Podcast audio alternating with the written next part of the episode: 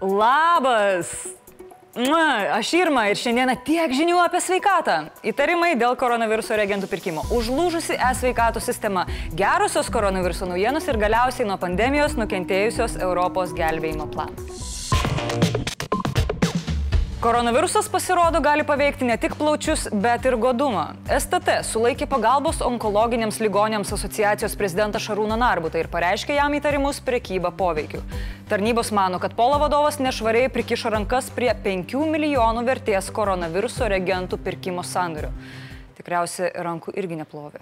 Byloje liudytojas apklausti vyriausybės kancleris Algirtas Tončaitis bei vicekancleris Lukas Savickas. Dar kovą institucijos skubiai ir intensyviai ieškojo, kur pirkti reagentų ir pradėjo dėrybas su vienos Ispanijos įmonės atstovu. Ponas Narbutas šiuose dėrybose buvo neoficialus tarpininkas tarp institucijų ir tos bendrovės. Galiausiai po sėkmingų pirkimų į Narbuto sąskaitą prikapsėjo daugiau negu 300 tūkstančių eurų.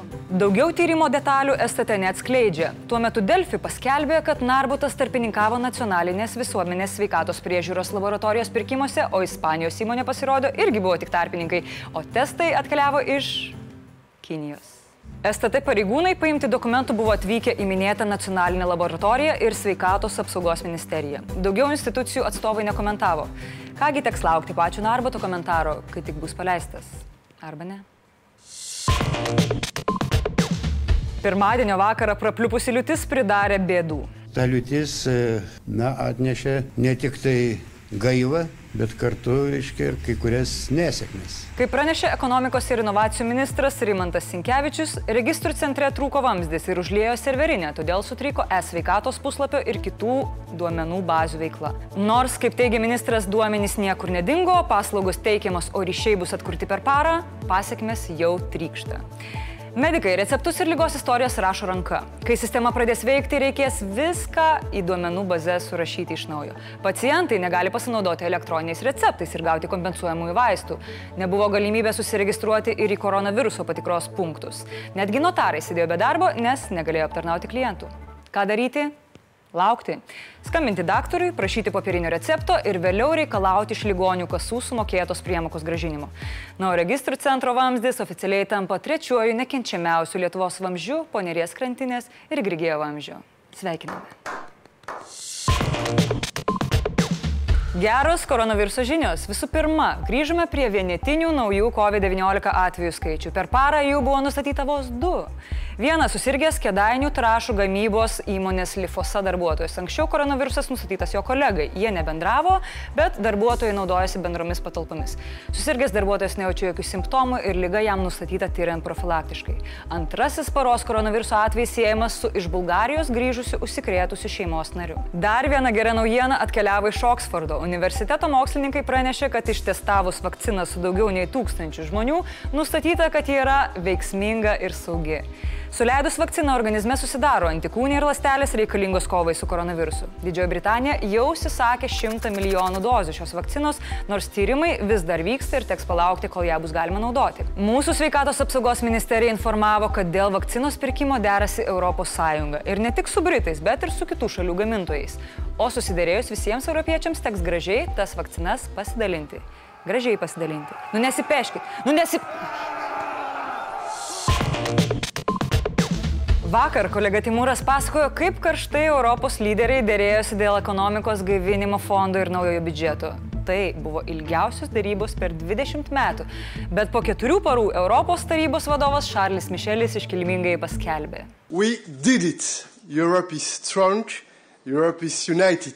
Arba, kaip pasakė Nausėda, jau buvo kilę nuogastavimo, kad tų sprendimų nepavyks priimti, tačiau Europos jėga, Europos vienybė ir šį kartą nugalėjo. Šalims skrudžiams nepasidavus, subsidijų suma visgi sumažėjo iki kompromisinių 390 milijardų, o paskolų suma sieks 360 milijardų. Paaiškėjo, kokia torto dalis atiteks Lietuvai. Iš viso mums numatyta 14,5 milijardų eurų, o tai yra daugiau negu gavom prieš tai.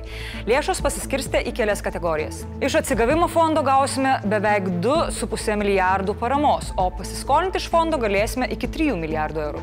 Labiausiai nuskilo žemdirbėms. Ypatingas poslinkis matomas žemės ūkio srityje, kuri gali tikėtis iki 5 milijardų eurų. Išmokos ūkininkams pakils iki 200 eurų už hektarą ir jos kasmet auks, kol priartės prie ES vidurkio. Taip pat gausim kompensaciją už emigraciją, už kiekvieną išvykusį po 500 eurų. Pinigų turėsim ir Ignalinos elektrinės uždarimui. Dar beveik 190 milijonų ES skirs karaliaučiaus tranzito idėjai gyvendinti. Tai specialus koridorius Rusijos piliečiams, kurie nori aplankyti savo Baltijos pajūrio ruožą arba Kanto kapą. Daugiau ten nelabai žinau, ką veikti.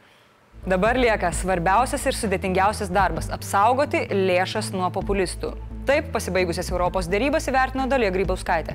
Teisingai dalė būtent, būtent. Blitz naujienos. Nelaimė Vilniaus rajone. Čia žuvo trys įmonės Vilniaus vandenys darbuotojai. Pirminiais duomenimis montuojant vamzdyną vienas darbuotojas prarado sąmonę, o kiti du puolė jį gelbėti. Nelaimės metu apsinuodiję dujomis mirė visi trys. Buvęs liberalas ir europarlamentaras Antanas Guoga panoro į Seimą. Šį kartą su darbo partija. Vienmandatė apygardoje Guoga susikaus su Jaroslavu Narkevičiumi. Hmm, neapsisprendžiu, kuris daugiau gero nuveiktų Seime. Kaip Jūs manote? Parašykite komentaruose. Policijos departamentas informavo apie baigtą tarnybinį patikrinimą po pareigūno nužudimo Mažiekių rajone. Policijos ir komisariato vadovo veiksmuose tarnybinių nusižengimų nenustatyta. Junktinėse valstijose naujų koronaviruso atvejų skaičius jau savaitę viršė 60 tūkstančių per parą. Bendras atvejų skaičius ją artėja prie 4 milijonų. Ir galiausiai, galiausiai prezidentas Donaldas Trumpas pasisakė už kaukių dėvėjimą. Didžioji Britanija paskelbė žvalgybos ataskaitą. Joje įvardyjama, kad karalystė yra viena didžiausių Rusijos žvalgybos taikinių vakaruose ir pažymėta, jog daug nerimo kelia dideli Maskvos žvalgybos pajėgumai.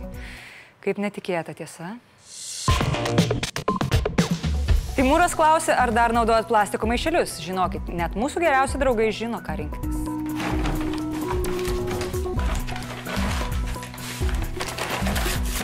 Nepamirškit laikinti video, subscribinti Laisvės televizijos kanalo, kad niekuomet nepraleistumėte svarbiausių naujienų. Iki kito karto ir tiek žinių.